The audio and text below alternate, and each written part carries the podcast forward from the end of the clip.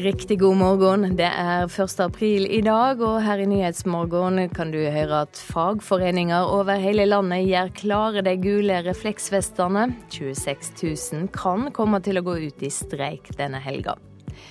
Idretten får mesteparten av pengene fra det offentlige. I dag skal idrettstoppene forklare for kulturministeren hva de tenker om åpenhet.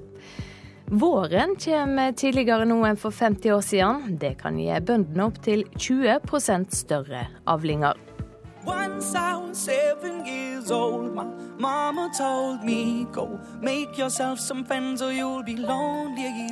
Og vi skal høre at denne sangen er spesiallaga for å gå til topps på listene. Og programmet Politisk kvarter er en gammel traver her i NRK Radio. Nå kommer Politisk frikvarter mer om det straks. Her i studio i dag, Silje Sande. Det kan gå mot streik etter at det ble brudd mellom Norsk Industri og Fellesforbundet på tirsdag. Forbundet har varsla at 26 000 arbeidstakere ved 800 bedrifter kan bli tatt ut i streik hvis ikke arbeidsgiverne går med på å gi minst 2,5% lønnsvekst.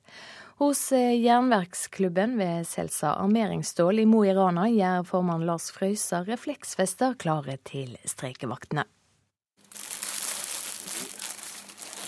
Det er jo viktig å ha litt beredskap og informasjon og litt, eh, litt sånn.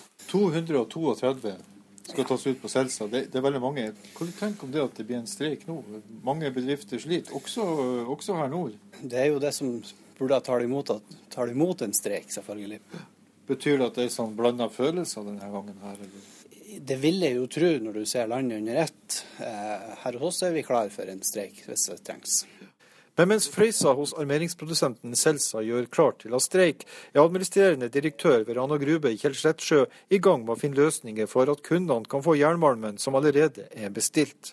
Ved en konflikt fra søndag vil rundt 185 av de 220 ansatte bli tatt ut i streik. Det kommer en båt nå i morgen eller noe sånt som skal lastes eh, midt under den eventuelle streikens start. Og det kommer da båter kontinuerlig. Så vi, det er vår inntekt. Etter et år med rekordlave priser har markedet på jernbanen økt de siste månedene. Det har gjort at ledelse og ansatte puster litt lettere. En storstreik kommer derfor på verst tenkelig tidspunkt, sier Slettsjø. Det, det, går veldig lett an å si, for Rana Gruber er i en prekær situasjon. Det ser ut som vi har fått orden på kostnadene våre og, og slik. Å få en streik nå, det vil være ramme oss veldig hardt på inntektssiden. Og det vil også sannsynligvis svekke våre forhold til kunder. Vi kan ikke forvente at stålverket i Europa stopper sin produksjon fordi det ikke kommer mal fra Rana. Så det er rett og slett en fare for at eh, hvis dette her skulle bli langvarig og det blir en streik, så kan dere faktisk miste kundene og grunnlaget for å eksistere? Det er helt riktig.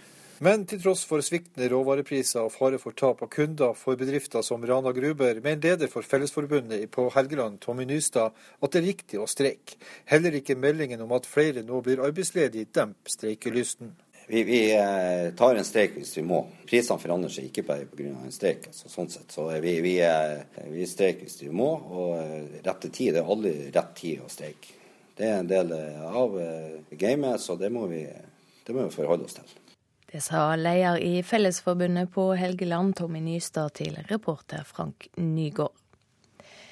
De siste ni ukene skal Tyrkia, ifølge Amnesty International, systematisk ha sendt tusenvis av syriske flyktninger tilbake til det krigsherja Syria. Det er i strid med internasjonale regler. Amnesty baserer informasjonen på samtaler med flyktninger, ikke-statlige organisasjoner og andre i grenseområdet mellom Tyrkia og Syria. Hva er eh, åpenhet? Det blir hovedspørsmålet når eh, idrettstoppene skal møte kulturminister Linda Hofstad Helleland i formiddag. Avisa VG har i lengre tid jobba for å få innsyn i pengebruken i toppen av norsk idrett. Nyhetsleder i VG-sporten Leif Welhaven er spesielt oppgitt over at idrettspresident Tom Tvedt nekter å dele reiseregningene sine. Det er spesielt bekymringsfullt, fordi vi snakker om det sentrale idrettsforbundet, som f.eks. har kjempet for OL i Oslo. Vi vet at det ble brukt opptil 12 millioner kroner på Norway House i Sotsji, som var ren pampepleie overfor IOC-topper. Og det har betydelig samfunnsmessig interesse å få vite konkret hvordan disse pengene ble brukt, og det får vi ikke, og begrunnelsen er syltynn. Svaret fra Idrettsforbundet kom 18.3. Det står de vil ikke medvirke til at en enkelt tilsatte, tillitsvalgte eller forretningspartner urettmessig kommer i media sitt søkelys. Derfor vil de ikke åpne opp for at media får en generell inngang til enkeltbilag. Sammen med de orda et relativt generelt brev på ti sider signert idrettspresident Tom Tvedt. Det er jo et stort dokument som er sendt ut på ti sider fra Idrettsforbundet og tilsvarende fra Seierforbundet som er sport. Jeg er veldig klar på at vi er åpne, vi er tydelige. Jeg møter mange, inklusiv journalister, som ikke leser dokumentene. og Jeg håper jo at man skal få legge det fram. Eh, og Hvis det man snakker om at man ikke åpner, så får vi jobbe med det. Men fra mitt ståsted så rapporterer vi i forhold til det offentlige som vi skal og som vi er bedt om. Og Så får vi ta resten etter møtet med kulturministeren. VG har i lengre tid jobba for å vite hvor pengene i toppen av norsk idrett tar veien. Spesielt dørene inn til Fotballforbundet mener de har vært bolta igjen. Fotballpresident Terje Svendsen, som spilte nettopp åpenhetskortet i valgkampen, mener likevel Fotballforbundet er på rett vei. Altså jeg vil jo peke på at Vi har tatt initiativ, og jeg synes jo også at vi får lite kred for at vi har tatt initiativet overfor resten av idretten. For vi ønsker, og som vi har sagt i dag, ønsker oss å se på hvilke elementer av offentlighetsloven som er naturlig å innføre for, for uh, idretten, og er villig til å gå i en prosess sammen med det øvrige. Og hvis det ikke er øvrige, men så vil vi jo da eller, unnskyld, Fotballforbundet fortsette med en åpenhetslinje. Reporter Ole Rolfsrud. Vi skal ta en eh, kikk på dagens aviser. Dagbladet presenterer det avisa kaller folkets brutale dom over Erna og Jonas. Kortversjonen av meningsmålinga er at Høyre er best på skole, mens Arbeiderpartiet er best på arbeid. Statoil-topp Anders Oppedal varsler 15 magre år i oljebransjen. Lønningene må ned på industrinivå, sier han til Dagens Næringsliv. Oppedal tror også bemanninga i olje og gass kommer til å bli lågere. Norske tiåringer er Nordens dårligste svømmere, skriver Adresseavisen. Halvparten av tiåringene klarer ikke kravet fra Utdanningsdirektoratet. Skolesvømminga er så mangelfull at foreldre sender ungene på svømmekurs. Nybakte mødre ble lova heimekontroll, men jordmødrene sier de ikke har tid til heimebesøk, skriver Aftenposten. Åtte av ti kommunale jordmødre sier de må få mer ressurser for å klare heimebesøk i barseltida. VG forteller om Per Sandberg sitt private drama da han holdt på å miste sønnen sin. Sjøl har Frp-toppen dårlig samvitt fordi han skulle ha vært mye mer sammen med barn og barnebarn. Høyre-politiker Heidi Nordby Lunde vil gi kvinner som tviholder på hele foreldrepermisjonen et forklaringsproblem. Lunde ber mors arbeidsgiver om å spørre hvor mange uker far skal ha av permisjon. Hun sier til Dagsavisen at det vil være bevisstgjørende å få et slikt spørsmål. Boligmarkedet er absurd, sier meklertopp Grete Meyer til Finansavisen. Hun forteller om 100 interesserte per visning, frustrerte kjøpere og mange forsøk på å kuppe.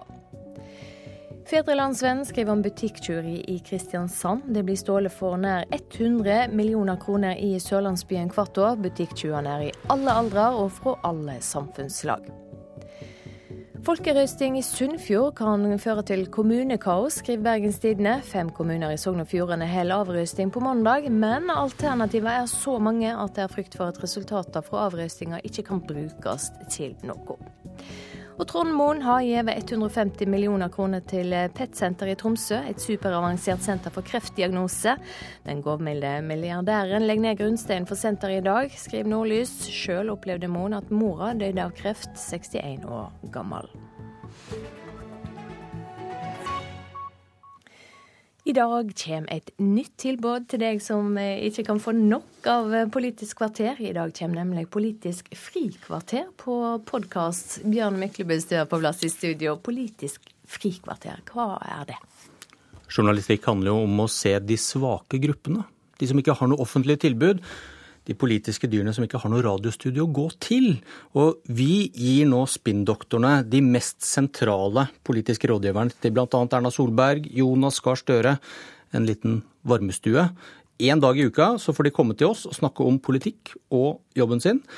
Og så mener vi det kan være viktig da å ha dette i tillegg til den vanlige politiske dekningen vår. og vi tror disse har noe spennende å fortelle om hvordan politikk blir til, og om hvordan de prøver å få oss journalister til å danse i deres takt.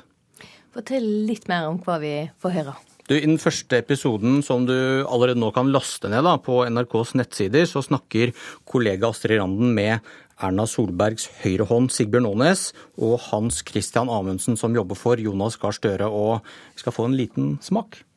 Jeg skulle skikkelig ønske at det var sånn, ordentlig. Altså, for Det er så deilig å høre sant? sånn den myteomspunne spinndoktoren, den edderkoppen bak der som styrer alt. Jeg skulle skikkelig ønske det var sånn.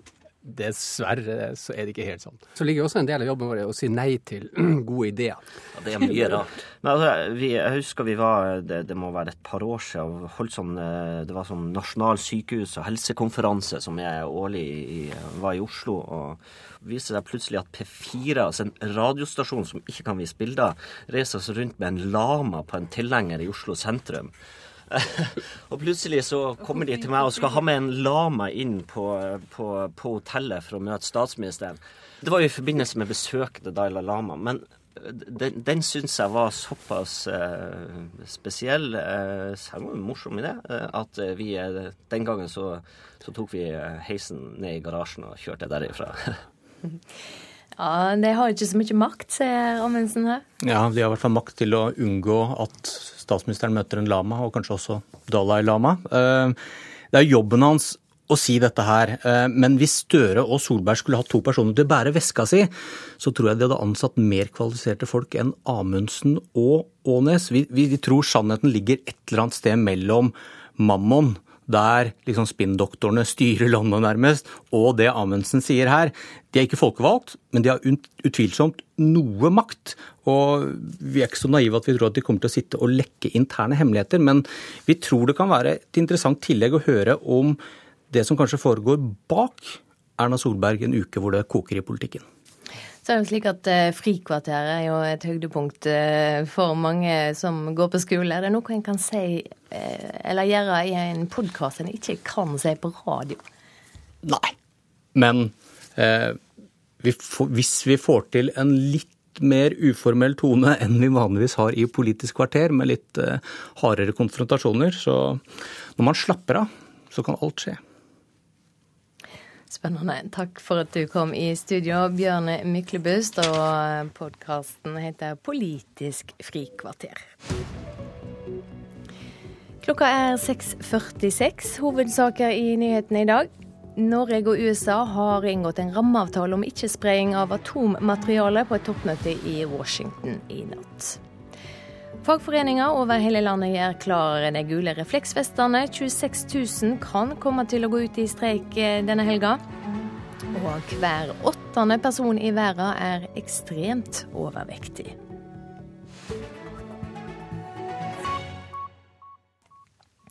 Våren kommer tidligere og tidligere. Medan det på 60-tallet var vanlig at snøen forsvant i slutten av april, kan vi nå vente at det blir bart i slutten av mars. Og det er godt nytt for bøndene. Jeg syns eh, vekstsesongen er eh, merkbart lenger enn for noen år siden. Lars Hulleberg driver gard på Tingnes i Ringsaker. Her har jordene blitt bare for snø stadig tidligere på våren de siste 50 åra. Det som er mest vanlig her, er jo at det er uh, i slutten av april, men de siste åra har vi jo faktisk vært i, i begynnelsen på april med årene. Og faktisk uh, to år siden så, var vi, så vi sådde en del på mars. Dette viser første barmarksdag Seniorforsker Hugh Riley ved Norsk institutt for bioforskning, NIBIO på Apelsvoll på Toten, har studert barmarksdatoene på Kise værstasjon i Ringsaker fra 1960 til i dag. Over hele perioden så ser vi en nedgang på rundt en dag per år. Tidligere snøvart. En dag per år i gjennomsnitt? I gjennomsnitt. Og Hvor mye blir det til sammen? Det blir en uh, drøy måned, det. I starten på 60- og 70-tallet var det kun små endringer, men så skjedde det noe. Rundt 1990, ja, så ser det ut til å ha skjedd en endring. Den foreløpige rekorden ble satt for to år siden. Da var det faktisk på slutten av, i slutten av februar, mens i fjor var det veldig tidlig, eh, rundt 9. mars. I år så ligger det rundt 29. mars som fullstendig bart og snø på Kise. Forsker Hugh Riley på Nibio sier trenden med tidligere barmark ikke bare gjelder for de solvendte åkrene mot Mjøsa, men over store deler av Østlandet. Ja, jeg tror nok samme tendensen uh, også gjelder andre steder. Men datoene blir jo ofte litt seinere enn det det er her på Nes. Her er det bløtt. Det er fortsatt bløtt på jordet på Blæstad i Hamar, der rådgiver Harald Solberg i Hedmark landbruksrådgivning gir råd til kornprodusenter i Hedmark og Oppland. Det blir ikke noe rekordstart i år? Nei, det blir det ikke. Men trenden er klar. Tidlig snø og tælefri jord gir tidligere våronn og lengre vekstsesong. Den, den største fordelen er eh, at du har et større avlingspotensial. Forskning Hedmark landbruksrådgivning har gjort, viser at tidlig såing øker avlingene med 20 I 2012 og 2014 så var det tidlige vårøy.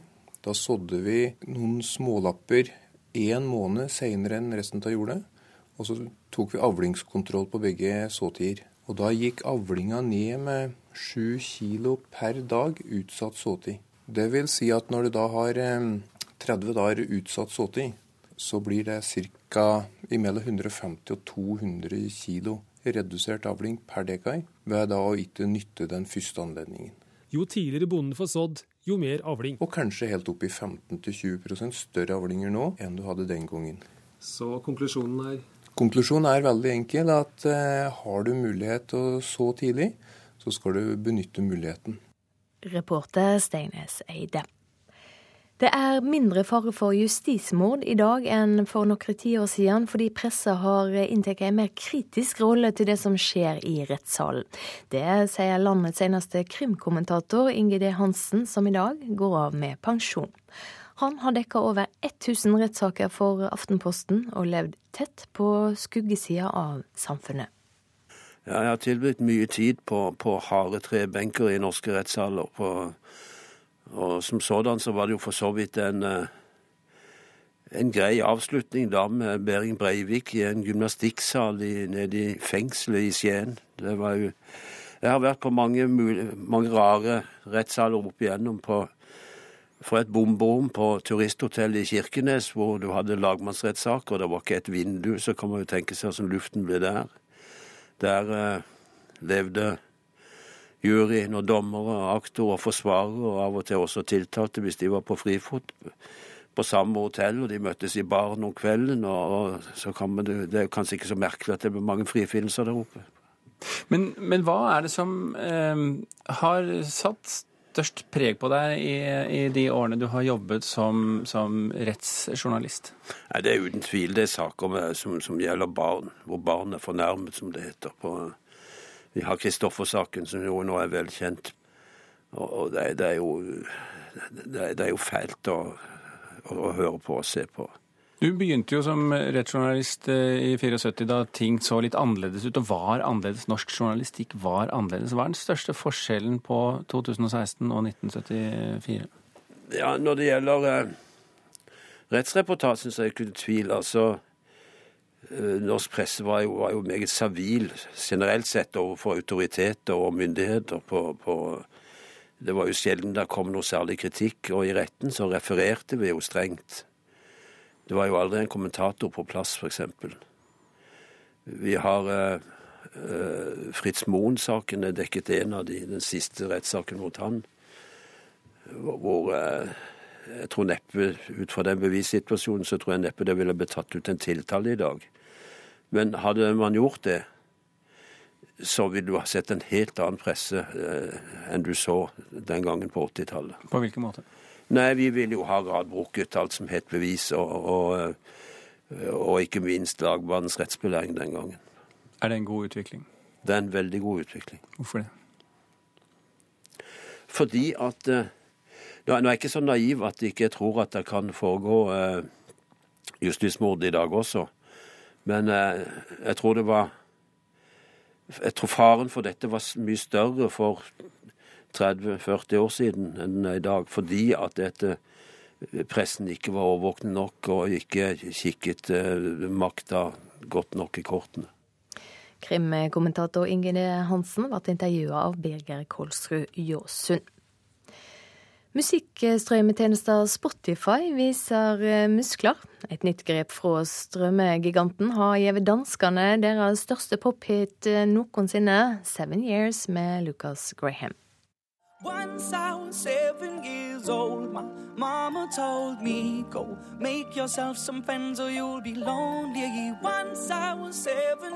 old. Denne låta er et av de største popkulturelle fenomenene i Danmark noensinne. For noen måneder siden fortalte strømmegiganten Spotify til artisten Lucas Grahams plateselskap hva de måtte gjøre for å få en verdensomspennende hit. Nå ligger låta 'Seven Years' på andreplass på Billboard-listen i USA, og er Danmarks største pophit noensinne.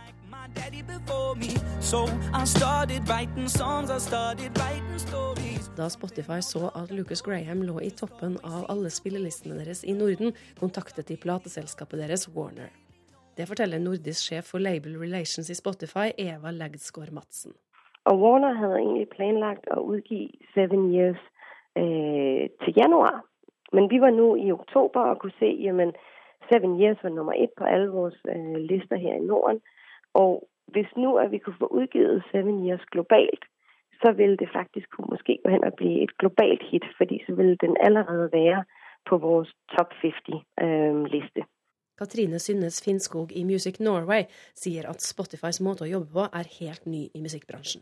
Spotify sitter jo på en enorm mengde med data, og det er jo så klart eh, interessant for deg å kunne begynne å bruke den dataen til noe og analysere den. Så det de har gjort nå, er at de har gått inn og sett på en artist som, de, eh, som begynte å gå bra for på spillelisten i Danmark i det tilfellet her. Og så anbefalte de plateselskapet å følge med på det her, og også slippe det internasjonalt på samme tid. Eh, og det funka. Men strategien var nå da Spotify som la, og ikke plateselskapet. Og det er jo en ny tendens i plateindustrien. Det tror jeg helt klart vi vil se mer av. Fordi eh, plattformene vil etter hvert lete etter flere muligheter å tjene penger på. Både Spotify og Music Norway ser en nordisk offensiv innen popmusikken. Låter fosser frem internasjonalt. I Norge har vi bl.a. Kygo og Alan Walker. Og de neste årene kan det bli lettere å slå gjennom for nordiske artister. Årsaken er bl.a. at det er mye vanligere å strømme musikk i Norden enn i resten av verden. Når en låt først blir populær her, gir det så store utslag på listene at resten av verden plukker den opp. Og akkurat det var det som skjedde med låten 'Seven Years'. Så vi gjør hva vi kan for å hjelpe øh, nordiske artister å lage det meste av det her momentum vi ser i øyeblikket. Og, og eksportere så mange øh, nordiske artister som mulig. Denne reportasjen var laga av Eirin Venås Sivertsen og Petter Somme. Vi skal se på værvarselet for denne første dagen i april. Fjellet i Sør-Norge sørlig frisk bris utsatte steder. Fra sent i ettermiddag liten kuling utsatte steder. Enkelte snøbyger i nord, ellers til dels fint vær. Fra sent i ettermiddag litt snø fra vest. Østlandet nordvestlig frisk bris på kysten. Spredde snøbyger i nord, ellers til dels fint vær. Utover ettermiddagen økende sørlig bris. Fra i kveld kan det bli litt sludd og snø, vesentlig i vest. Telemark og Agder fra i formiddag perioder med sørvestlig frisk bris. Utsatte steder gradvis tilskyende, og fra sent i ettermiddag kan det bli litt regn, snø i høyere strøk. Vestlandet sør for Stad sørlig liten kuling på kysten. Opphold og perioder med sol. Fra i ettermiddag sørlig stiv kuling nord for Obrestad. I kveld opp til sterk kuling på kysten nord for Rogaland. Etter hvert litt regn. Snø over 600 til 800 meter.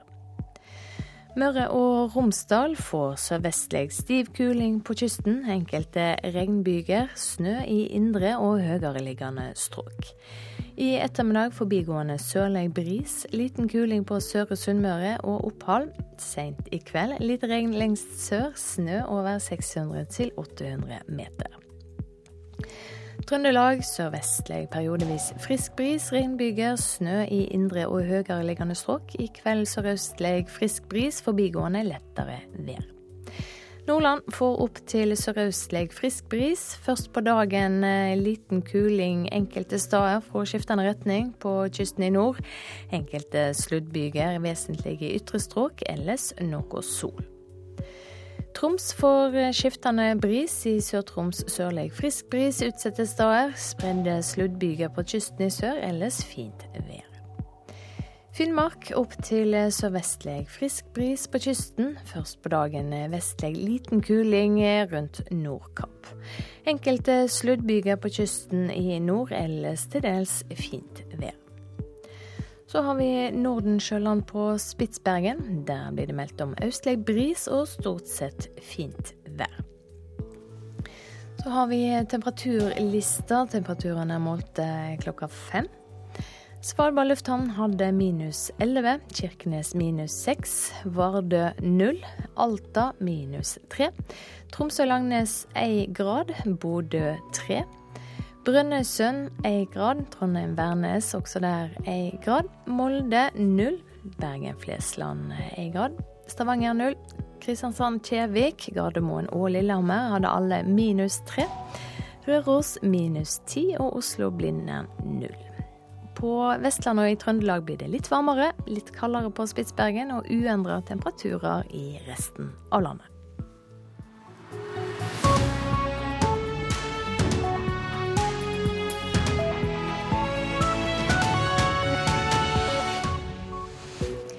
Her i Nyhetsmorgen skal vi høre at Helsedirektoratet dropper rådet om å sjekke den psykiske helsa til alle nye asylsøkere.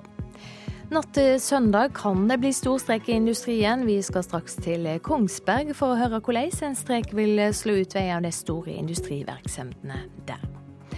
Mer enn hver åttende voksne person i verden er nå ekstremt overvektig. Det er over dobbelt så mange som for 40 år siden. Og Stats- og regjeringssjefer fra 52 land er samla i USA for å finne ut hvordan verden skal sikre radioaktivt materiale. Bare ett år etter å ha tilrådd sitt eget departement å sjekke den psykiske helsa til alle nye asylsøkere, mener Helsedirektoratet nå at det ikke er nødsynt. Årsaka er at det er for ressurskrevende, spesielt etter at det har kommet flere asylsøkere til landet. Det sier helsedirektør Bjørn Gullvåg. Vi tror ikke det vil være en riktig eh, bruk av ressursene våre samlet å kartlegge den psykiske helsen til hver enkelt som kommer. Det er svært krevende. I en rapport fra i fjor anbefaler Helsedirektoratet sitt departement tidlig sjekke den psykiske helsa til nye asylsøkere. Målet var å avdekke psykiske helseproblem og forebygge kroniske plager.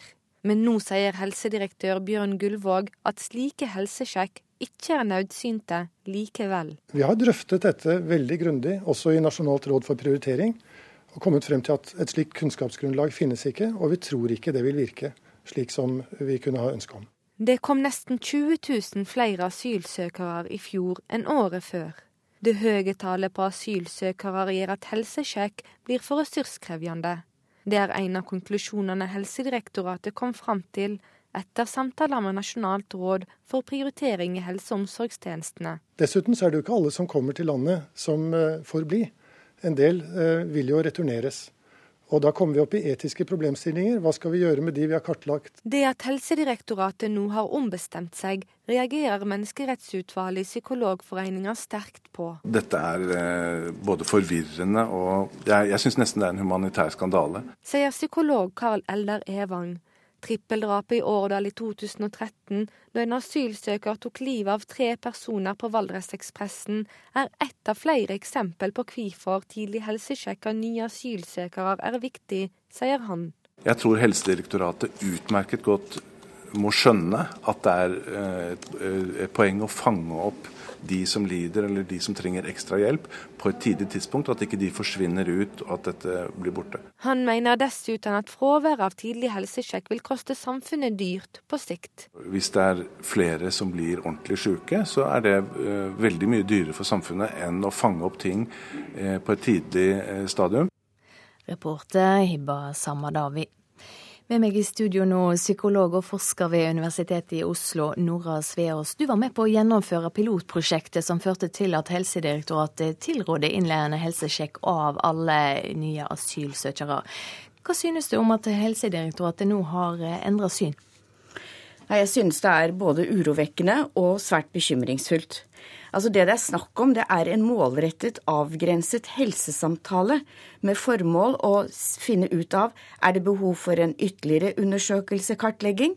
Det er snakk om å identifisere særlige, særlige, sårbare asylsøkere, og ikke minst se om det er folk som faktisk har vært utsatt for tortur forut for ankomst til Norge. Så det er med andre ord ikke en full screening av psykisk helse til alle mot alle ankomne flyktninger. Det er snakk om altså en helsesamtale for å skape et grunnlag for eventuelt videre vurdering. Hvorfor er dette så viktig?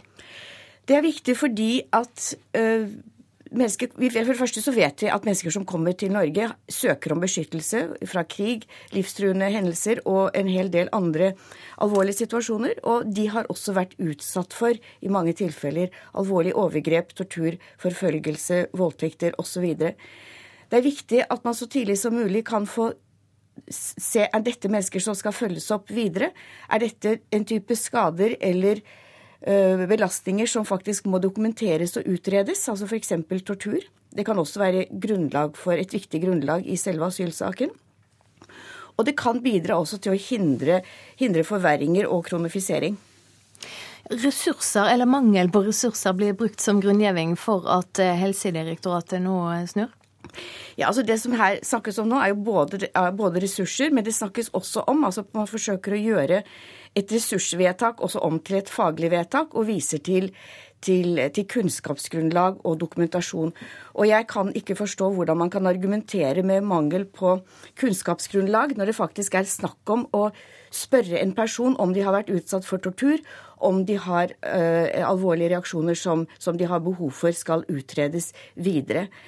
Eh, og I tillegg så står jo dette i ganske skarp kontrast til det, den anbefalingen og veilederen som faktisk kom ut fra Helsedirektoratet i februar i år, altså 2016, som anbefaler tidlig intervensjon i forbindelse med krise, katastrofer og ulykker til alle i landet, inkludert asylsøkere. Slik at her, er det, her så henger ikke disse anbefalingene på, på greip, syns jeg, i det hele tatt. Men asylsøkere har jo eh, rett, som alle andre, til å oppsøke lege, er ikke det bra nok?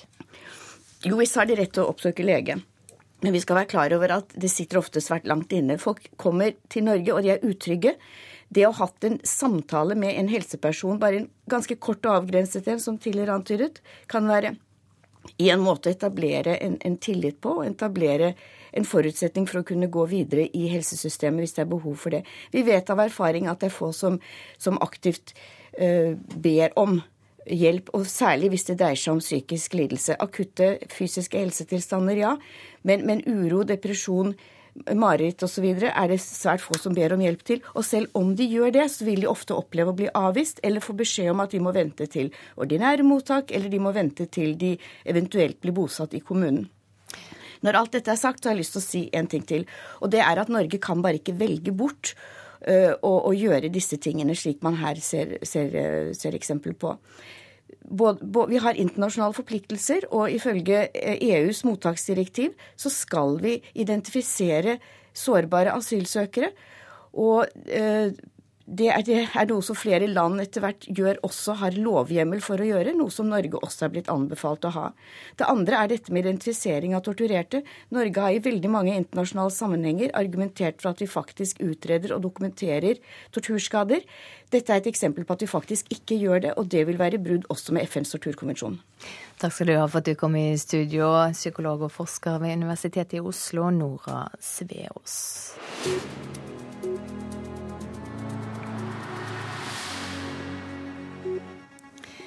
Fra søndag av kan det bli storstreik i industrien. Fellesforbundet har varsla at 26 000 arbeidstakere ved 800 bedrifter kan bli tatt ut dersom ikke arbeidsgiverne går med på kravene.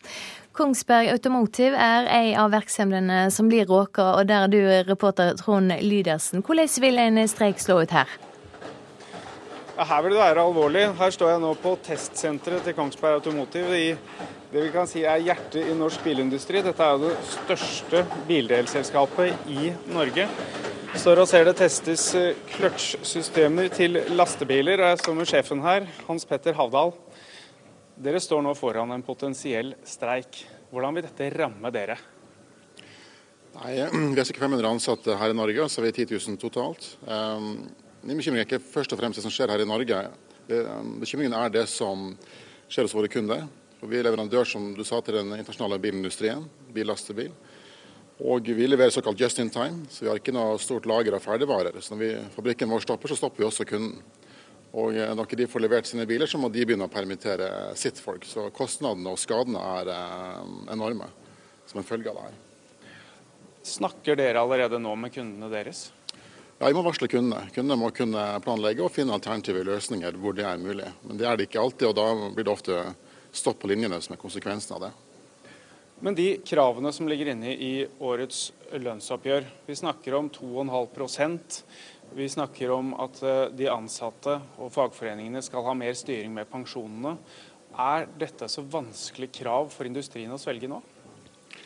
Jeg tror Vi må se på en trend over lengre tid. Skal vi ha industri i Norge, så må vi faktisk eh, verne om den. og Vi har vært inne i en positiv trend egentlig med en svakere norsk krone, som har styrket konkurransekraften. Og man har et positivt moment som man burde fortsette med en moderat oppgjør, og ikke forsøke å, å, senke den trenden. Da tror jeg vi når et punkt hvor man ikke har noen framtid. Og spesielt med den oljekrisen som vi har nå, så må man ta vare på det vi har, og ikke bare um, risikere det. Så jeg tror det er en veldig viktig sak å vise moderasjon, uh, spesielt i år. Deres ansatte, du snakker med dem. Hva sier de om streik? Nei, det er klart det er to parter her, det skal man respektere. Men jeg tror ingen av de ansatte ønsker å ha en streik, egentlig. Man ser alvoret. Man vet at vi er en aktør i internasjonal industri, så det er mye større enn Norge. Og de er redd for arbeidsplassen over tid. Ikke kortsiktig, men over tid så vil vi miste tillit hos kundene. Og eh, det tar lang tid å bygge og kort tid å miste. Altså nå til helgen. Fristen går ut eh, natt til søndag 06.00. Så kan 26 000 arbeidstakere bli tatt ut i streik hvis ikke partene kommer til enighet. Takk skal du ha, reporter Trond Lydersen. Vi skal høre at eh, mer enn hver åttende voksne person i verden nå er ekstremt overvektig. Det er over dobbelt så mange som i 1975, ifølge en verdensomfattende forskningsundersøking. 641 millioner voksne mennesker var for to år siden ekstremt overvektige og det ventes at antallet ekstremt overvektige vil øke til over 1,1 milliarder i løpet av de neste ni årene. Det viser tall fra forskningsrapporten som helsetidsskriftet The Lancet offentliggjør denne uka. Hvis andelen ekstremt overvektige fortsetter å vokse i samme fart, vil omtrent hver femte mann og kvinne være ekstremt overvektig innen 2025. Det sier ansvarlig forsker Majid Esati ved Imperial College i London. Andelen undervektige har gått ned, viser forskningsrapporten. Reporter Anne Lindholm. Klokka er straks 7.15. Bare et år etter å ha tilrådd sitt eget departement til å sjekke den psykiske helsa til alle nye asylsøkere, mener Helsedirektoratet nå at det ikke er nødsynt. Straks skal vi høre mer om at Norge og USA har eh, inngått en rammeavtale om ikke-spredning av atommateriale på et toppmøte i Washington i natt. Og altså, som vi hørte, 26 000 kan komme til å gå ut i streik denne helga. Norge og USA har altså inngått en avtale om eh, handsaming av radioaktivt materiale. I natt har en rekke stats- og regjeringssjefer ettermiddag hos president Barack Obama og diskutert hvordan radioaktivt materiale kring om i verden skal sikres, og ikke, slik at det ikke havner i hendene på terrorister. Statsminister Erna Solberg mener det er viktig å være svært nøye med dette.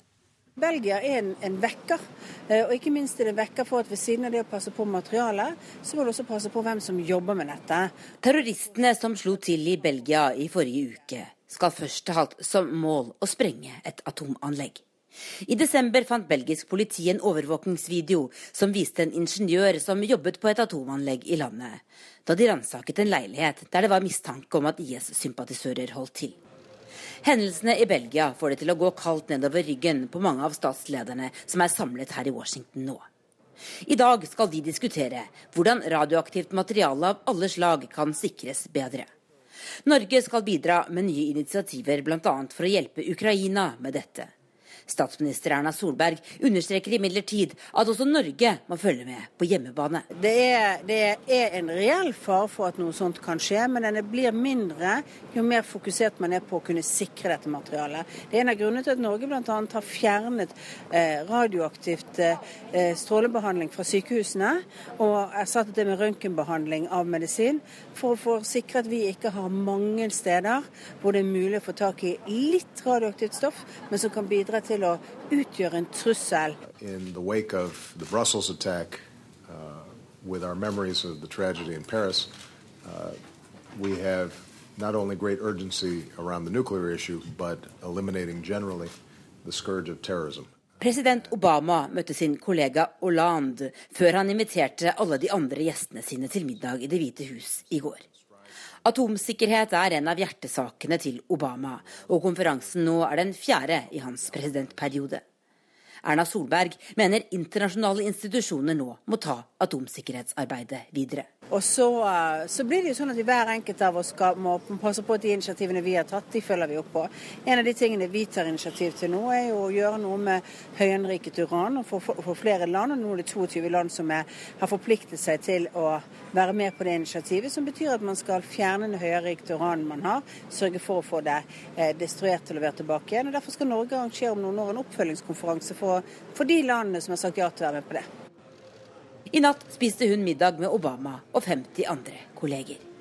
En middag der det ikke var maten som sto i fokus, men en intens og til dels impulsiv diskusjon om atomsikkerhet. Den skal jo initieres av, av, Obama, hvor han skal utfordre folk til å ta innlegg eh, som ikke er ferdigskrevet, og som ikke er høytlesning av manus eh, som er skrevet av de ulike utenriksdepartementene. Det er jo veldig opp til hvordan han legger opp eh, dialogen, eh, om han klarer å utfordre til å få ordentlig svar. Det sa Erna Solberg til vår USA-korrespondent Tove Bjørgaas.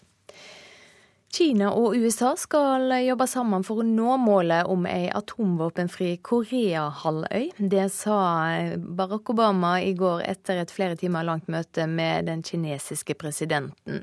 Hva er det som gjør at USA og Kina nå i stadig større grad gjør felles sak, Asia-korrespondent Peter Svaar?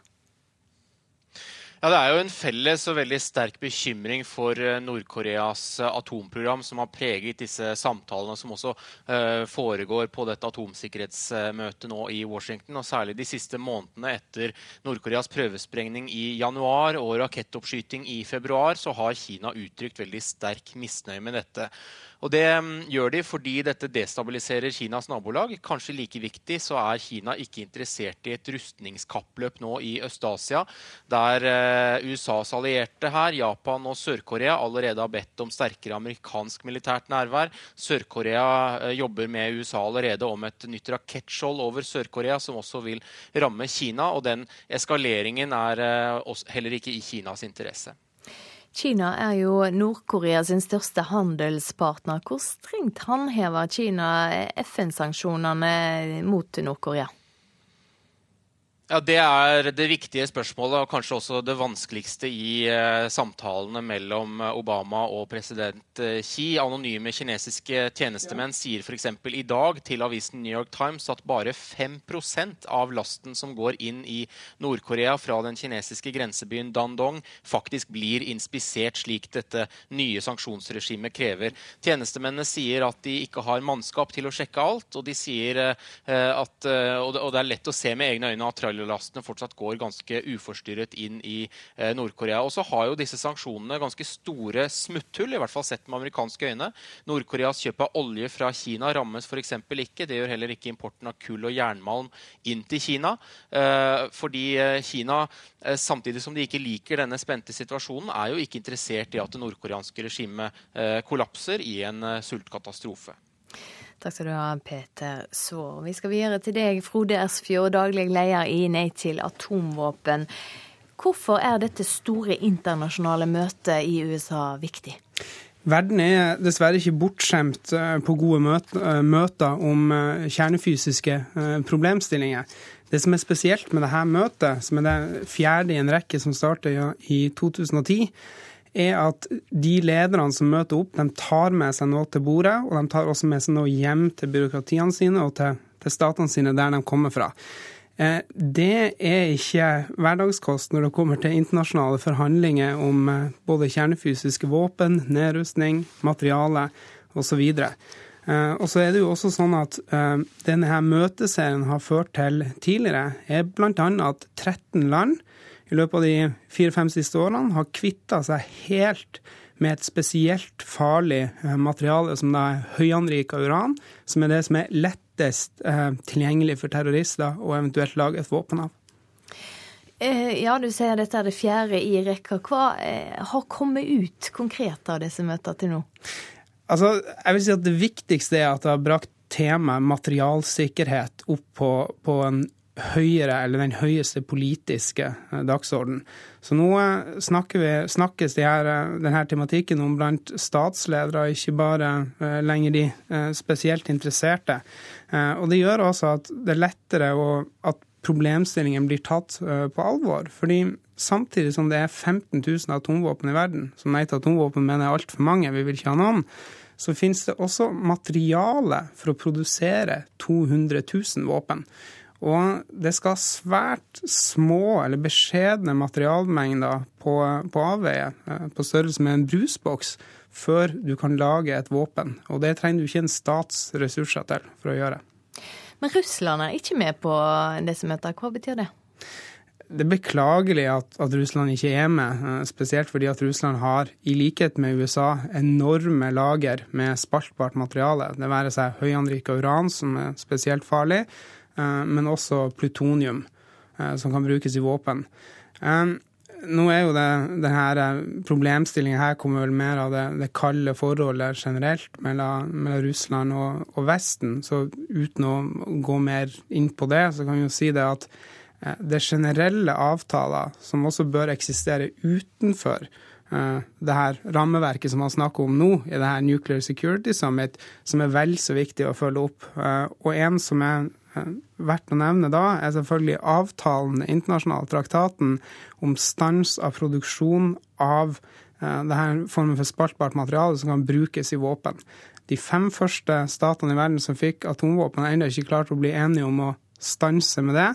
Uh, og det er noe som vi håper kan fortsette uh, samtale om etter dette møtet er over.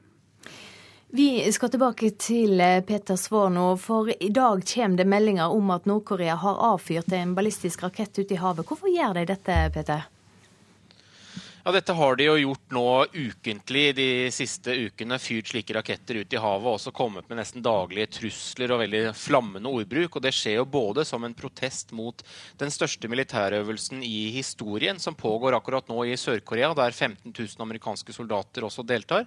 Og Nord-Korea gjør det også for å hevde at de er i stand til å sende ut ballistiske atomraketter som kan ramme naboland og selv USAs vestkyst. En påstand utenlandske etterretningseksperter foreløpig ikke tror dem på. Og så er dette også noe nordkoreansk innenrikspolitikk, hvor uh, tordentalen og disse rakettoppskytingene er hovedsak på nordkoreanske nyhetssendinger daglig, der befolkningen gis inntrykk av at krig med USA er nært forestående, slik de har blitt fortalt i flere tiår. Uroer dette deg, Frode Ersfjord? Det bør uroe alle i verden. Eh, at Nord-Korea har et atomvåpenprogram er veldig ille. De har sannsynligvis nok materiale til å lage i overkant av ti våpen. Eh, men igjen, vi må huske at det finnes materiale nok i hele verden til å lage omtrent 200 000 eh, slike våpen. Så en av de tingene som kommer til å bli diskutert på møtet nå, er videre eller flere oppgaver til det internasjonale atomenergibyrået. Det er det byrået som kontrollerer for denne mengden med materiale som finnes i hele verden. Det byrået trenger flere ressurser. Det trenger også adgang til samtlige land Eh, si beholdning av spaltbart materiale. Dvs. Si Nord-Korea også, så klart, men også USA og Russland sine lagre med våpen, som de nekter for innsyn i i dag. Takk skal du ha for at du kom i studio, Frode Ersfjord, daglig leder i Nei til atomvåpen.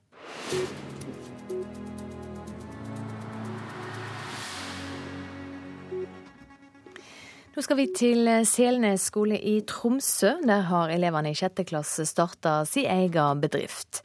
De lager knekkebrød i skoletida. Nå ser skolen at det sosiale miljøet er blitt bedre En mobber ikke de en jobber sammen med, sier faglederen på skolen.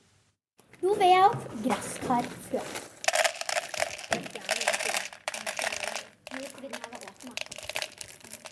Gresskarfrøene skal brukes til å lage knekkebrød. Ingunn Valsø, lærer ved Selne skole, står igjen etter at alle elevene har gått, og alle ingrediensene er blanda, og passer på. Da eh, sprer vi det utover på bakepapir, så tynt som, som vi får det, og deler det opp i ruter. Og strør litt maldonsalt på, og har det i stekeovnen. Ja, det skal stå ca. en halv time og, og, og steike sånn, at det tørker litt. Så åpner vi døra, så kan det stå i en time, halvannen, oppi to timer. Daglig leder i elevbedriften Selnes Knekkes, Sara Ness, hun kan fortelle at knekkebrødene har vært en stor suksess for hele skolen. Eller selger kjempemasse av dem, da. Hvem er det dere selger det til, da? Eh, vi selger det til elever her på skolen, og så kan foreldre kjøpe hvis de har lyst til det. Eh, ja, nå skal bakehuset kjøpe opp oppskrifta vår, og da så skal de begynne å selge det i butikker. Mm. Fagleder ved Selnes skole, Elisabeth Dahl, kan fortelle at de har jobba godt med elevene som styrer bedriften, og på denne måten forandra elevene. Selnes skole legger til rette for at elevene skal utvikle kunnskap om entreprenørskap, og alle seks elevene i bedriften de samarbeider svært godt seg imellom. Eh, det vi ser, det er det at vi eh, har utfordra rollene til elevene. Vi har etablert produksjonssjef, vi har eh, etablert en designersjef, en daglig leder, en økonomisjef. Og vi ser at de, er, de erfaringene som elevene tar med seg fra denne bedriften, det tar de med seg inn i klasserommet, og så bruker de det på andre arenaer også. Dahl forteller at det har blitt et annet sosialt miljø etter at bedriften har starta opp. Når du skal som, som, daglig leder, så er du nødt til f.eks. å være obs på hva du legger ut på Instagram. Fordi at du er nødt til å ha goodwill hos dine venner for å kunne dra i gang med denne produksjonen som de har gjort. Når noen begynner, så drar de med seg resten av elevgruppa. Så konfliktnivået på trinnet har blitt betydelig eh, senka. Gresskarkjerne, sesamfrø, solsikkekjerne og havregryn. Ja, reporter i denne saka, det var Gjermund Håkon Seth. Straks eh, klart for eh, Dagsnytt 7.30. Om eh, ti minutter så skal det handle om sovjetisk propagandakunst her i Nyhetsmorgen. Og i siste del av Nyhetsmorgen, om en time, så kan du møte Geir Lippestad. Han advarer mot sorteringssamfunnet i en ny bok som kommer ut i dag. Produsent for dagens Nyhetsmorgen, Marit Selmer Nedreli. Her i studio, Silje Sande.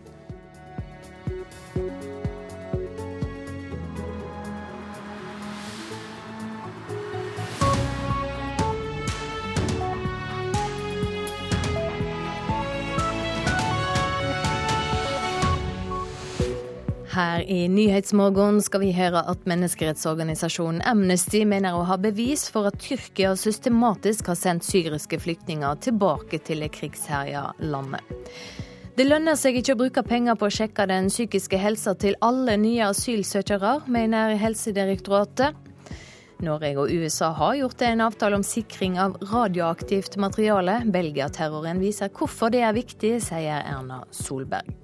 Og advokat og politiker Geir Lippestad kommer i studio om litt. Han har skrevet ei svært personlig bok som kommer ut i dag. Tyrkia skal de siste ukene systematisk ha sendt hundrevis av syriske flyktninger tilbake til det borgerkrigsherja landet i strid med internasjonale regler, ifølge Amnesty International. Og i Hellas protesterer menneskerettsorganisasjoner mot returavtalen.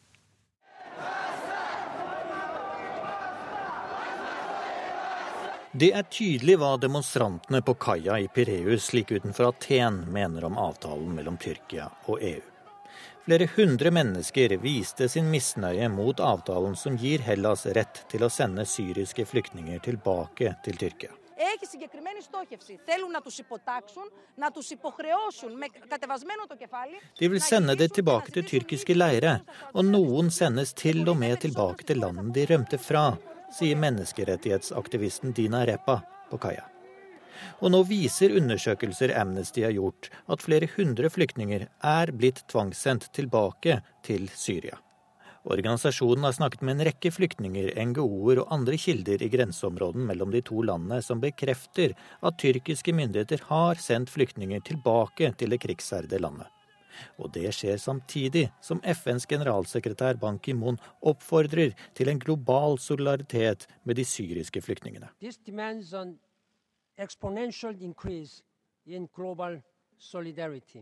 Avtalen som EU og Tyrkia inngikk i forrige måned, forplikter EU til å ta imot én flyktning fra leirene i Tyrkia for hver flyktning som sendes tilbake. Antallet mennesker som har lykkes å ta seg over fra Tyrkia til Hellas, har falt kraftig etter at returavtalen ble inngått. Reporter Christian Aanensen. Bare ett år etter å ha tilrådd sitt eget departement å sjekke den psykiske helsa til alle nye asylsøkere, mener Helsedirektoratet nå at det ikke er nødsynt. De rår heller kommunene til å tilby helseundersøking innen tre måneder. Årsaken er at det er for ressurskrevende, spesielt etter at det er kommet flere asylsøkere til landet. Det sier helsedirektør Bjørn Gullvåg. Vi tror ikke det vil være en riktig bruk av ressursene våre samlet, og kartlegge den psykiske helsen til hver enkelt som kommer. I en rapport fra i fjor anbefaler Helsedirektoratet sitt departement tidlig sjekke den psykiske helsa til nye asylsøkere. Men nå sier helsedirektør Bjørn Gullvåg at slike helsesjekk ikke er nødsynte likevel. Vi har drøftet dette veldig grundig og kommet frem til at et slikt kunnskapsgrunnlag finnes ikke, og vi tror ikke det vil virke. Det kom nesten 20 000 flere asylsøkere i fjor enn året før. Det høye tallet på asylsøkere gjør at helsesjekk blir for ressurskrevende. Dessuten er det jo ikke alle som kommer til landet som eh, får bli. En del eh, vil jo returneres. Det at Helsedirektoratet nå har ombestemt seg, reagerer Menneskerettsutvalget i Psykologforeninga sterkt på. Jeg, jeg syns nesten det er en humanitær skandale. Sier psykolog Karl Eldar Evang. Trippeldrapet i Årdal i 2013, da en asylsøker tok livet av tre personer på Valdresekspressen, er ett av flere eksempel på hvorfor tidlig helsesjekk av nye asylsøkere er viktig, sier han. Jeg tror Helsedirektoratet utmerket godt må skjønne at det er et, eh, poeng å fange opp de som lider eller de som trenger ekstra hjelp, på et tidlig tidspunkt. At ikke de forsvinner ut og at dette blir borte. Reporter Hibba Samadawi. Og forsker og psykolog ved Universitetet i Oslo, Nora Sveås, var med på å gjennomføre pilotprosjektet som førte til at Helsedirektoratet kom med tilrådinger i fjor. Hun er lei seg for at Helsedirektoratet nå snur. Jeg synes det er både urovekkende og svært bekymringsfullt. Altså Det det er snakk om, det er en målrettet, avgrenset helsesamtale med formål å finne ut av er det behov for en ytterligere undersøkelse, kartlegging, det er snakk om å identifisere særlige, særlige, sårbare asylsøkere, og ikke minst se om det er folk som faktisk har vært utsatt for tortur forut for ankomst til Norge. Så det er med andre ord ikke en full screening av psykisk helse til alle mot alle ankomne flyktninger. Det er snakk om altså en helsesamtale for å skape et grunnlag for eventuelt videre vurdering. Hvorfor er dette så viktig?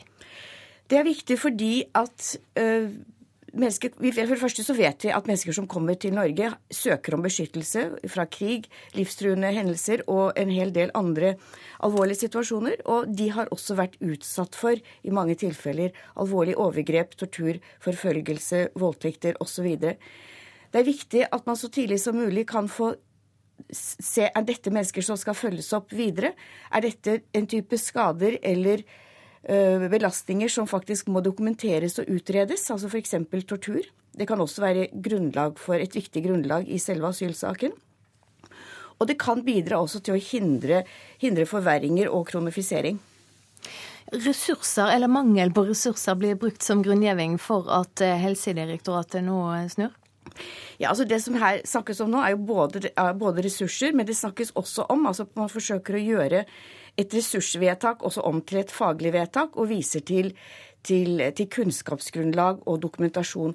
Og jeg kan ikke forstå hvordan man kan argumentere med mangel på kunnskapsgrunnlag når det faktisk er snakk om å spørre en person om de har vært utsatt for tortur, om de har uh, alvorlige reaksjoner som, som, de har behov for skal utredes videre.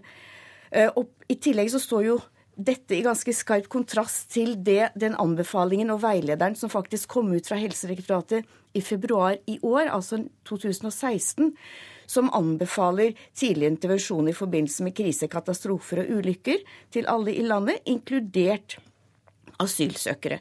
Slik at her, det, her henger ikke disse anbefalingene på, på greip, syns jeg, i det hele tatt. Norge og USA har inngått en avtale om sikring av radioaktivt materiale. I natt har flere stats- og regjeringssjefer etter middag hos president Barack Obama. På møtet diskuterte de bl.a. hvordan vi skal hindre at radioaktivt materiale havner i hendene på terrorister. En av de som var med på møtet, var vår statsminister Erna Solberg. Belgia er en, en, vekker, eh, og ikke minst er det en vekker for at ved siden av det å passe på materialet, så må du også passe på hvem som jobber med dette. Terroristene som slo til i Belgia i forrige uke, skal først ha hatt som mål å sprenge et atomanlegg. I desember fant belgisk politi en overvåkingsvideo som viste en ingeniør som jobbet på et atomanlegg i landet, da de ransaket en leilighet der det var mistanke om at IS-sympatisører holdt til. Hendelsene i Belgia får det til å gå kaldt nedover ryggen på mange av statslederne som er samlet her i Washington nå. I dag skal de diskutere hvordan radioaktivt materiale av alle slag kan sikres bedre. Norge skal bidra med nye initiativer bl.a. for å hjelpe Ukraina med dette. Statsminister Erna Solberg understreker imidlertid at også Norge må følge med på hjemmebane. Det er, det er, en reell fare for at noe sånt kan skje, men den blir mindre jo mer fokusert man er på å kunne sikre dette materialet. Det er en av grunnene til at Norge bl.a. har fjernet eh, radioaktivt eh, strålebehandling fra sykehusene og erstattet det med røntgenbehandling av medisin, for å sikre at vi ikke har mange steder hvor det er mulig å få tak i litt radioaktivt stoff, men som kan bidra til til å utgjøre en trussel. Det sa statsminister Erna Solberg til vår USA-korrespondent eh, Tove Bjørgaas. Og dette er et viktig møte, det sier daglig leder i Nei til atomvåpen, Frode Ersfjord. Verden er dessverre ikke bortskjemt eh, på gode eh, møter om kjernefysiske problemstillinger. Det som er spesielt med dette møtet, som er det fjerde i en rekke som startet i 2010, er at de lederne som møter opp, de tar med seg noe til bordet, og de tar også med seg noe hjem til byråkratiene sine og til, til statene sine der de kommer fra. Eh, det er ikke hverdagskost når det kommer til internasjonale forhandlinger om eh, både kjernefysiske våpen, nedrustning, materiale osv. Eh, og så er det jo også sånn at denne her møteserien har ført til tidligere, er bl.a. at 13 land i løpet av de fire-fem siste årene har kvitta seg helt med et spesielt farlig eh, materiale som er høyanrika uran, som er det som er lettest eh, tilgjengelig for terrorister å eventuelt lage et våpen av.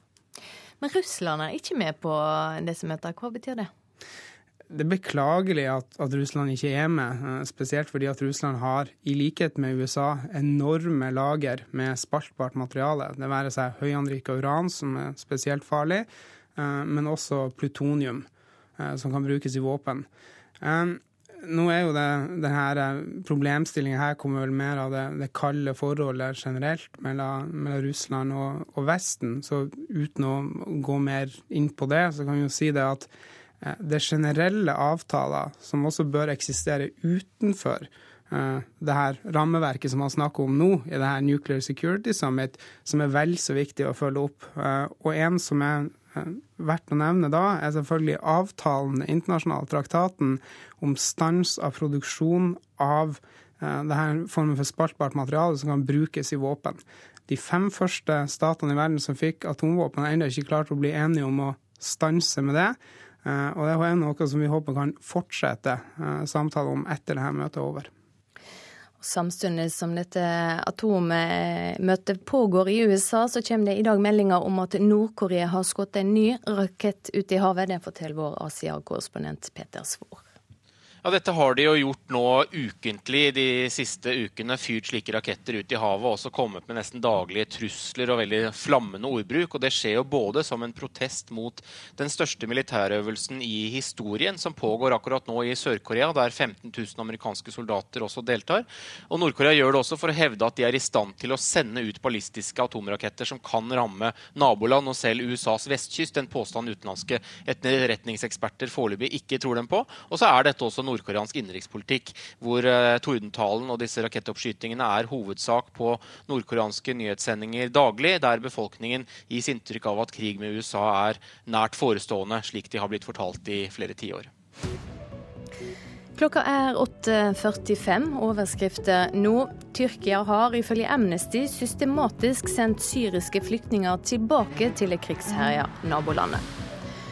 Sykepleierforbundet er uroa. Nesten ingen nyutdanna vil jobbe i heimesykepleien. Og det kan få alvorlige konsekvenser at Helsedirektoratet vil droppe psykisk helsesjekk av alle nye asylsøkere. Det mener flere psykologer. Geir Lippestad, velkommen til Nyhetsmorgen. Du har skrevet ei svært personlig bok om livet med dattera di Rebekka fra hun ble født til hun døde 17 år gammel. Hvorfor har du gjort det? Det er mange årsaker til. Eh, det ene er eh, i grunnen det som bokas tittel er, altså et større vi. Jeg syns det blir eh, stadig smalere og smalere hvem som er vi, hvem som er de andre i, i samfunnet vårt. Og, og, for meg så er mangfoldet noe av, del, noe av livet og, og, noe av gleden ved livet. Så, så, det er noe av den ene dimensjonen. Den andre dimensjonen er jo at eh, prøver å snakke litt om hva, skrive litt om hva det gode livet er. At det er så mye mer enn, enn det å, å lykkes og, og, det tradisjonelle vi tenker på som et godt liv. Og at livskvalitet da er en subjektiv størrelse, selvfølgelig, og ikke, ikke, noe objektivt man kan regne seg frem til. Og så er det selvfølgelig en bok om kjærlighet og om, om, om sorg, og hvordan vi menn kanskje spesielt uh, møter oss selv i døra. Og, og, jeg skriver definitivt om mine egne fordommer og, og, og hvordan jeg har måttet jobbe med meg selv for å, for å eh, akseptere da, eh, et liv som ble veldig annerledes. Mm. Rebekka var sterkt eh, funksjonshemma. Du skriver også at dersom du hadde sett journalen hennes før hun kom til verden, ville du ha vært i tvil om livet hennes ville fått kvalitet og verdighet? Ja, det er riktig. Eh, sånn som jeg tenkte om et verdig liv, så, så ville jeg nok eh, tenkt som mange andre at, at, nei, dette eh, er ikke et verdig liv. Og så vet jeg 17,5 år etterpå at hun hadde et fullverdig liv, like godt som, som alle vi andre. På, på, godt og vondt, selvfølgelig, for vi har ikke alle gode dager hele tiden, selvfølgelig. Og det er kanskje noe av den viktigste lærdommen som jeg har fått Det møtet med mine egne fordommer, hva et godt liv kan være. Ja, For hvem definerer det? Ja, det er jo det som er litt vanskelig, da. Men eh, hvis vi ser på samfunnet i dag, så ser vi jo at selv de sterkeste blant oss, altså unge, eh, friske jenter som går på høyskole og universiteter, altså 30% av de sliter med selvbildet, med, med det følelsen av ikke strekke til, ja, og følelsen med å, og, og ha et, eh, en selvfølelse som, eh, som, til og med er såpass dårlig at man må medisineres. Og jeg tenker at det henger sammen med at, at det er blitt så smalt for hva som er eh, hva skal vi si, vellykket, hva som er produktivt, hva som er det vi ønsker oss. Og så er det selvfølgelig også en bok om, om, om, det sorteringssamfunnet som vi er inne i gjennom medisinsk utvikling og teknisk utvikling, som gjør at veldig mange av oss stilles overfor valg som vi bare for noen få år siden ikke, ikke gjorde. Og jeg tenker at en refleksjon rundt hva vi forventer av livet, det er viktig for oss alle sammen. I hvert fall har jeg lært mye av det. For du advarer mot dette sorteringssamfunnet? Hvorfor det? Jeg, jeg, sier jo veldig klart at enkeltmennesker, sånn som jeg og andre, må jo ta de valgene vi føler er best for oss selv. Eh, og jeg sier jo, som du sa, at hadde jeg sett min datters journal, så hadde jeg vel kanskje også valgt henne bort, før jeg visste hva jeg da hadde valgt bort. Men det vi ser er jo at i samfunnet så legges det jo opp til, eh, gjennom teknisk utvikling, men også lovgivning, at, at, uh, at, vi kan sortere bort mennesker som uh, har egenskaper som, som ikke er, er ønskelige. Og det, det tenker jeg ut fra et samfunnsperspektiv at vi må diskutere veldig nøye. Eh, særlig nå som mulighetene for dette blir mer og mer tilgjengelige, og, og det å avdekke stadig nye feil og mangler blir, eh, blir mye eh, lettere. Men det er jo ikke bare funksjonshemming dette handler om, det handler jo også om samfunnet generelt. Altså det, er, det er vi og de som vi ofte hører om, om det er om det er debatt om innvandring, eller om det er debatt om andre kulturer, eller om det er debatt om ja, hva det nå skal være, så, så, så er, det, er, det, smalt om hvem som hører til, og, og hvem som ikke hører til. Og det syns jeg vi må diskutere. Men du skriver om at du tok med Rebekka i, i, båten på riding. Er det lettere for ressurssterke foreldre å få barn som ikke er helt som andre? Det kan jo sikkert eh, godt være, og da har vi en jobb å gjøre, tenker jeg. For sånn skal det jo ikke være. Samfunnet må jo legge til rette for at eh, man kan leve et fullverdig liv selv om, eh, om man har behov for, for hjelp. Og, og, det som er min klare erfaring, det er jo at det å leve i et mangfoldig samfunn, leve i en mangfoldig familie, leve med utfordringer og gleder, det gir utvikling, og det gir kunnskap, og, og det er sånn samfunnet eh, går videre. Og Derfor er det en samfunnsoppgave selvfølgelig også å ta vare på alle som er i samfunnet vårt, ikke, ikke bare de som øh, produserer, for å si det sånn. Til slutt, eh, Geir Lippestad, hva har du gjort med menneskesynet ditt å være advokat for Anders Behring Breivik? Altså det, det at uh, menneskeverdet ikke har noe toleransens ytterpunkt, det at retten til et forsvar, retten til å, å, å, ha de demokratiske prinsippene, det, det, må vi holde fast ved. Det er jo det som terroristene ønsker å ødelegge. Det er det som, som ekstremisme, om det er fundamentalistiske, religiøse eller høyreekstreme, ønsker å, ta fra oss. Så det må vi holde fast ved. Det lærte jeg. Takk for at du kom i studio, Geir Lippestad. Boka 'Et større vi til forsvar for livet' kommer altså ut i dag. Vi skal høre at eh, trangen for sykepleiere i heimetjenester vil bli enormt i tida framover, men få har lyst til å jobbe med eldre og syke som bor hjemme. Studentundersøkelser syner at nyutdanna sykepleiere heller vil jobbe på sykehus og akuttmottak. Det er MS har. Før det så var jeg Kjempesprek. Jeg... Livet kan ta brå vendinger. Hans Ragnar Aasrud fra Oslo er avhengig av hjelp fra hjemmesykepleien. Ligger du bra, eller? Ja, jeg ligger bra. Mm -hmm. Han er en av over 200 000 nordmenn som mottar hjelp fra hjemmetjenesten. Framover vil tallet på pleietrengende som bor hjemme bare øke, men til tross for at stadig flere trenger hjelp, er det få som ønsker å ta jobben. Det bekymrer leder i Sykepleierforbundet i Oslo, Line Olund. Behovet er eh, ganske enormt hvis vi ser på hvordan vi vet at helsevesenet blir om noen år. Eh, det er eh, store kull som ble født rett etter krigen, som begynner å komme i en alder hvor helsen dessverre svikter. Eh, og de fleste av disse vil jo få behandling hjemme. Og der trenger vi desperat sykepleiere. En undersøkelse som ble gjennomført i fjor viser at bare litt over 14% av sykepleierstudentene ønsker å jobbe hjemmesykepleien. Mari Solvang Stenersen og Ingeborg Lønnum går siste året på Høgskolen i Oslo og Akershus. De vil jobbe på sykehus. Det er fordi det på en måte er det som er mest spennende når man er ferdig med litt sånn akutt sykdom, da. I stedet for sykehjem og hjemmesykepleie. Det er det som frister minst.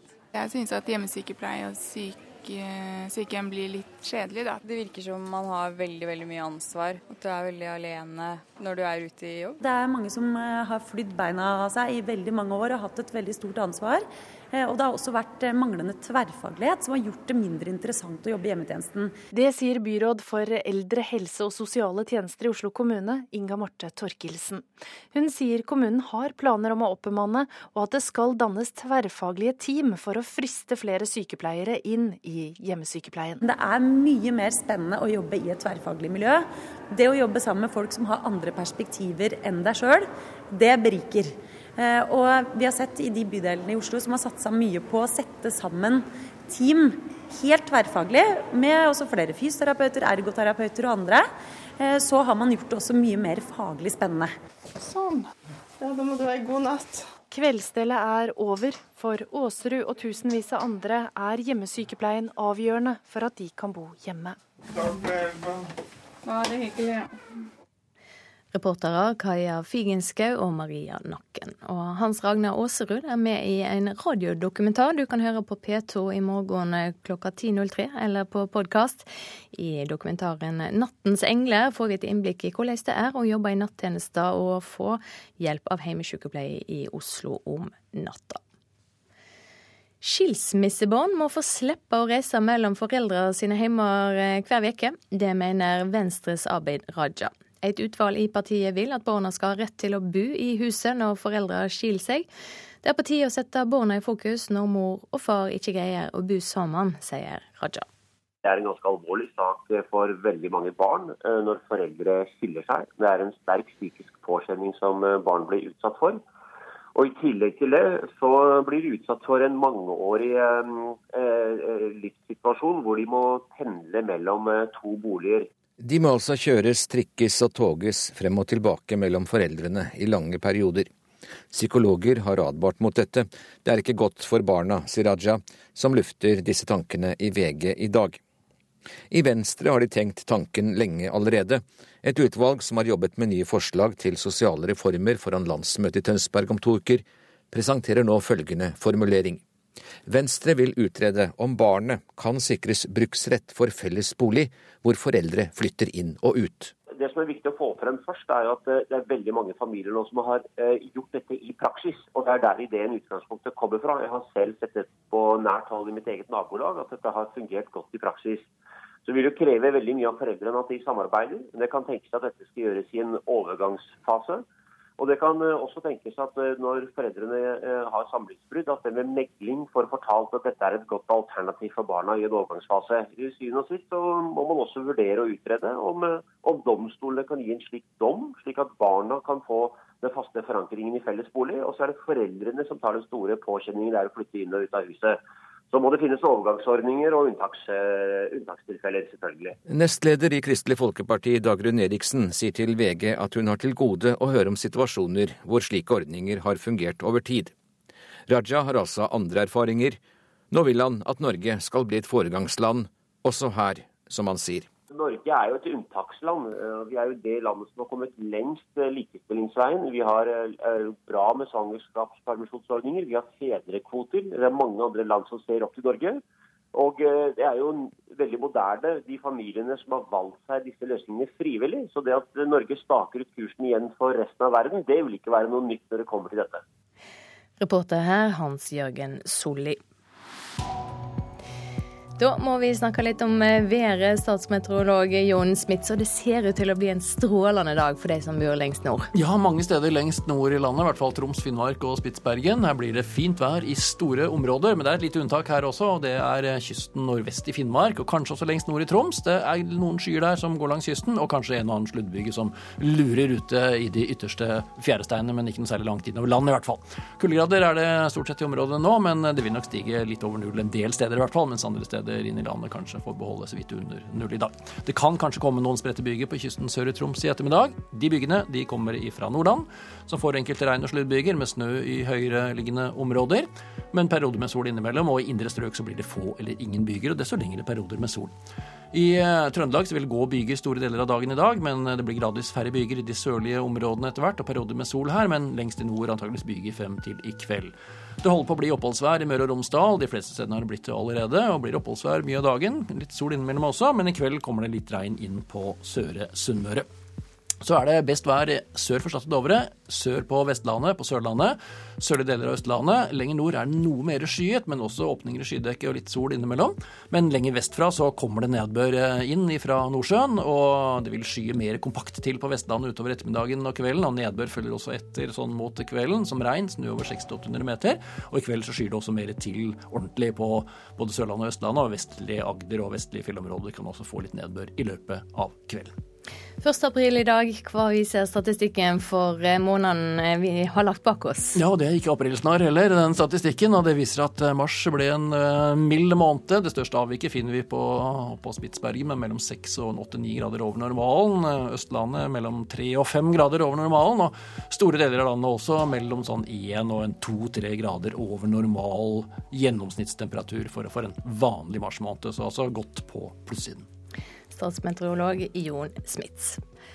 Ansvarlig for nyhetssendingene i dag, Bjørn Christian Jacobsen. Produsent for Nyhetsmorgen, Marit Selmer Nedrelid. Teknisk ansvarlig, Espen Hansen. Og programleder, Silje Sande.